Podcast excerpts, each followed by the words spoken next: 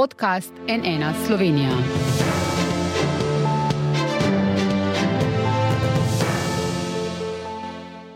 Dobrodan, to je NN studio. Ali vlada izpolnjuje obljube, ki jih je dala upokojencem? 630 tisoč jih je, pokojninska blagajna pa je po besedah njenega direktorja Marjana Papeža v tako dobrem stanju kot že dolgo ne. Vprašanje pa je, kako to čutijo upokojenci. Njihova krovna zveza ima po letu 2016 prvič novo vodstvo, predsednica je postala upokojena kriminalistična inšpektorica, ki je poskusila tudi v politiki, zdaj pa, pre, pa je prevzela vodenje organizacije z več kot 166 tisoč člani nova predsednica Zveze društva upokojencev Slovenije, Zdenka Jan. Dobro dan, dobrodošli na NN. Lep pozdrav in hvala lepa za povabilo. Za tale pogovor, v bistvu vaš prvi, ne, uh, vsaj pred kamero, se lovimo v bistvu že vse mesec od izvolitve naprej. Takrat ste bili vidno presenečeni, brž čas ste pričakovali vsaj drugi krok z Rosvito Svenšek, to piše v izjavi za javnost z Dusa po volitvah. Tekma je bila torej napeta, na koncu so vas razglasili za zmagovalko že v prvem krogu, ker ste prejeli 12 od 24 glasov. Bili ste štirje kandidati. To zagotovo ni večina, je za NN povedal strokovnjak za upravno pravo z Ljubljanske pravne fakultete, profesor dr. Rajko Pirnat, ker pa se na izid ni nihče pretožil, zdaj ta po njegovem prepričanju velja. Neuradno je sicer imelo nekaj vaših vidnih članov pomisleke, vas je kdo povprašal o tem, ste vi osebno prepričani v legitimnost svoje izvolitve? Ne, nihče me ni povprašal, mhm. ničesar. E, mislim, da je vprašanje dobil naš PR-ovc. Uh, res je, kot ste dejali, sem bila malce presenečena, pričakovala sem, da bo drugi krok, ampak kot pravijo strokovnjaki, glede na to, da se ni nihče pritožil, je zdaj to legitimno. In sem predsednica ZUS-a. Uh mhm. -huh. ne, zanimivo je zaradi tega, ker recimo v državnem zboru, ne, ker je 90 poslancev, tam je večina 46 od 90, ne, ne 45. Ne. Ampak kot rečeno, ja, ker ni se ni nihče pritožil. Ja, je... Očitno so smatrali, da sem dobila največ glasov od vseh štirih. To pa je bilo res. Da. Ja. Mesec dni je torej zdaj od primo predaje poslov z dosedanjim predsednikom Janezom Sušnikom. Ob izvolitvi na sklicani izjavi za javnost ste bili kar redko besedni. Lahko zdaj poveste kaj več, v kakšnem stanju je zveza, ki ste jo prevzeli vzeli? Ja, tudi zdaj bom bolj malo povedala, glede na to, da ta mesec je še vedno kratko obdobje. Seveda lahko rečem, da sem sprejela zdus v dobrem stanju. E, takoj v naslednjih dneh smo imeli primo predajo od prejšnjega vodstva. E, sestala sem se tudi z novimi sodelavci. Seveda smo si z mojima e, pomočnikoma oziroma podpredsednikoma razdelili delo po področjih, ne še povsem dokončno, pa vendarle. Tako da eh, spoznala sem klimo na zduso, menim, da je dobra, sama pa se bom trudila, da bo seveda eh, situacija še boljša.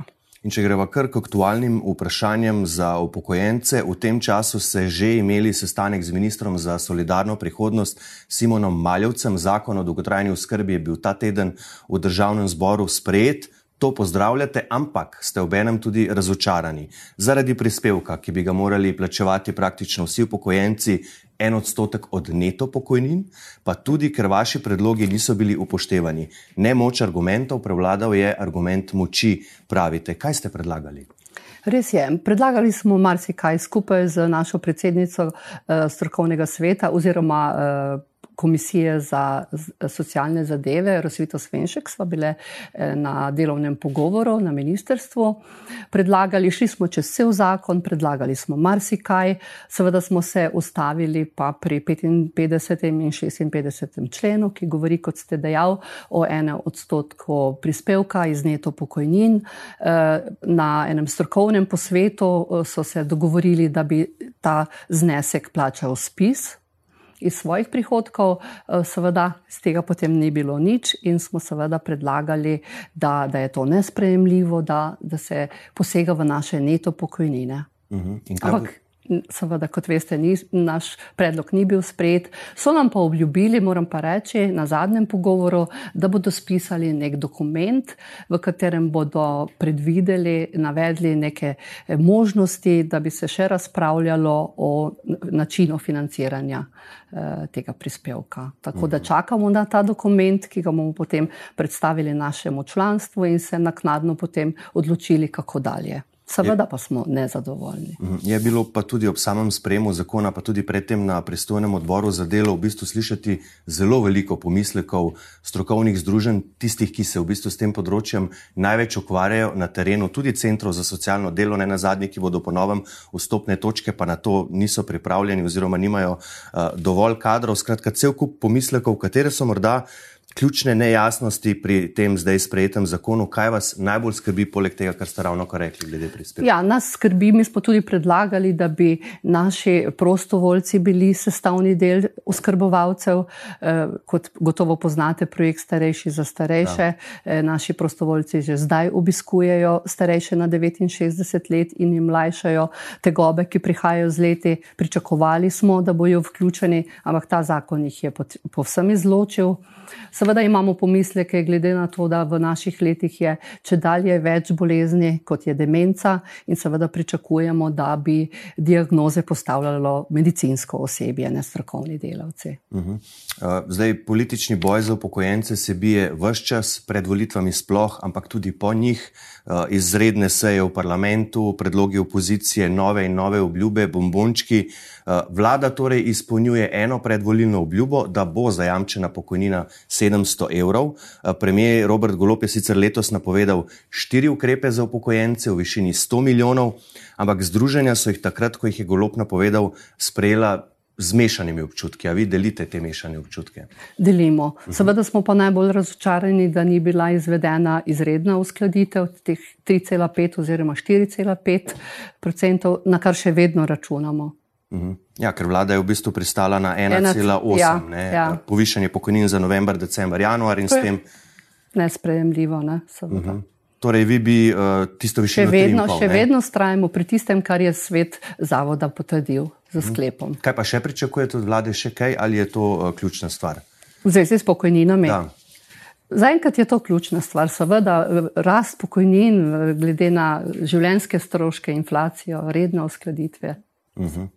Uh, zdaj, če greva k pokojninski reformi, uh, Luka Mesec, ministr za delo, vse čas povdarja, da mora biti sprejeta v državnem zboru do konca tega leta, do leta 2024. To smo se tudi zavezali uh, Bruslju. Zdaj samo ministrstvo o reformi javno še ne govori, je pa socialnim partnerjem, torej sindikatom in delodajalcem, predstavilo izhodišča. Septembra bo to na ESS-ju, na ekonomsko-socialnem svetu. Uh, Eh, minister Mesec je sicer prej govoril o dveh modelih, po enem bi bila prenova obstoječega sistema, po drugem postavitev povsem novega, ki bi temeljil na univerzalnem temeljnem dohodku, ampak viri iz ministrstva zdaj pravijo, nobene revolucije ne bo, UTD-ja ne bo, na mizi pa bo več ukrepov, ki naj bi povečali pokojnine in neto plače, zvišali bi prispevke za popodanske samostojne podjetnike, spodbujali daljše ostajanje v delovni aktivnosti, spremenili starejše delavce v mentorje, uvedli dodatne davčne obremenitve na premoženje.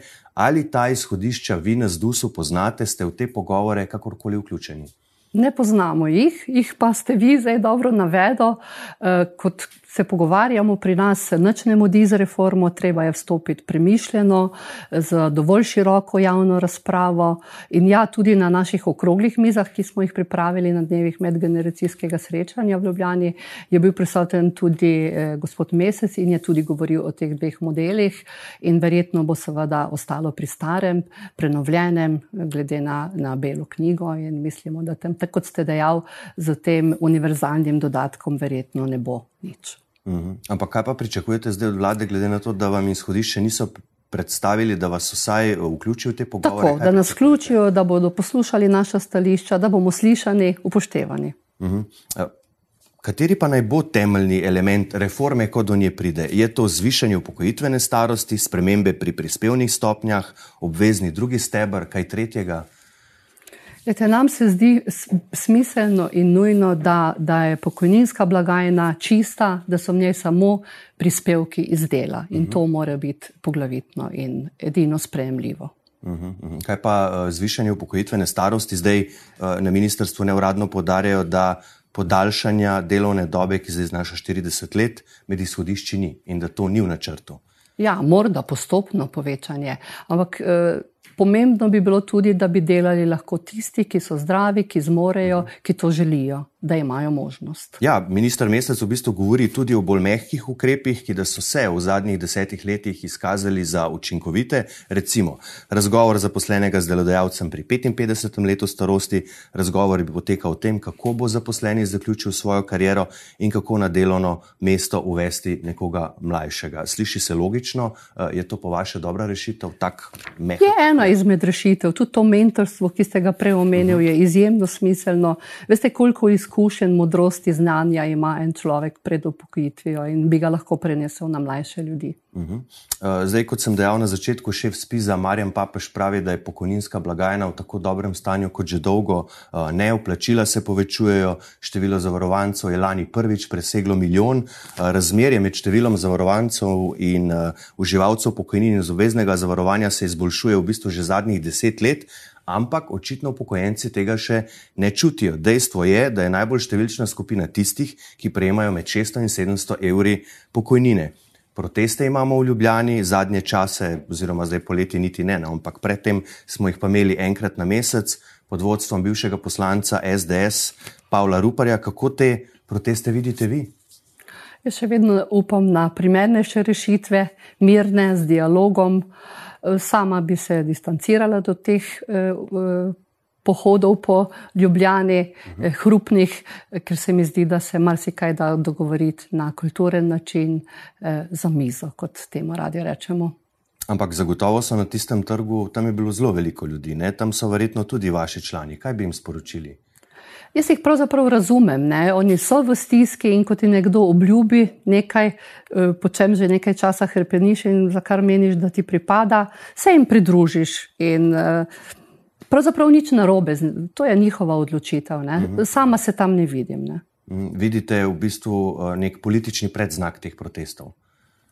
Bi lahko rekli temu tudi tako. Ja, se je tudi v bistvu gospod Rupert napovedal uh, ustanovitev Stra, ja, uh, stranke. stranke. Ja. Zdaj tudi vi ste bili aktivni v politiki, v Desusu do leta 2020. Po razkolu ste prešli v našo državo bivše kmetijske ministrice Aleksandre Pivec in kandidirali tudi za poslanko. Niste bili pa članica, čeprav vem, ali ste eh, še vedno aktivni v stranki? Ste, ne, niste. Ne, ne. Tudi niste več aktivni, ste ne, se ne, ne. distancirali od tega. Ja. Zakaj pa? Čez iz osebnih razlogov eh, vstopila sem v stranko upokojencev čist iz ene želje, potrebe, da bi se približala tej naši populaciji, v kateri sem se znašla. Imela sem občutek, da lahko kaj dobrega postorim.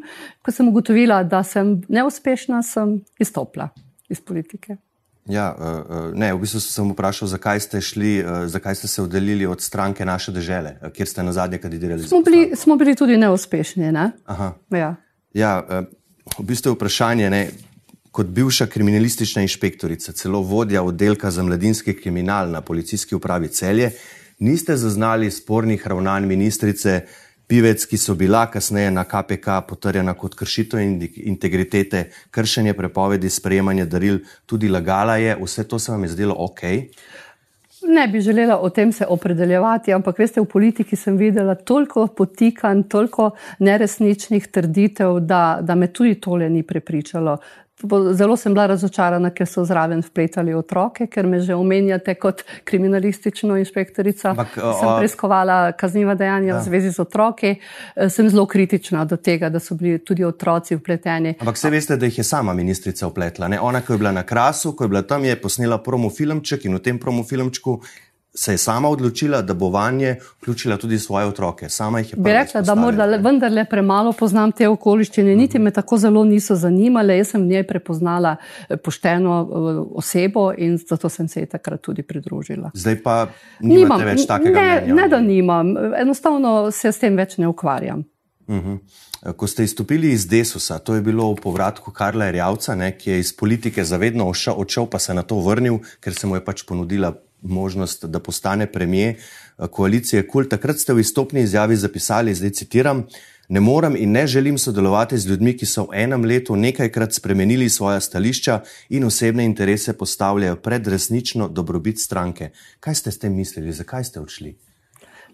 Tako kot sem napisala, jaz sem bila potem priča uh, res različnim potikanjem. Nekaj časa so eni člani, ki so bili kar precej visoko, nekoga postavljali, nekoga protežirali, v naslednjem tednu ali pa v naslednjem mesecu so ga že rušili. Skratka, bilo je toliko nasproti in seveda to je bilo čisto skregano z mojimi načeli in seveda čist brez težav sem izstopila. Kaj pa potem kasnejše ravnanje poslancev Desusa, ki je v bistvu že izstopil iz koalicije, poslanci so pa še vedno v bistvu glasovali in ravnali? A veste, a veste za... da sem potem tako zelo slabo spremljala, nekako sem zaključila s tem.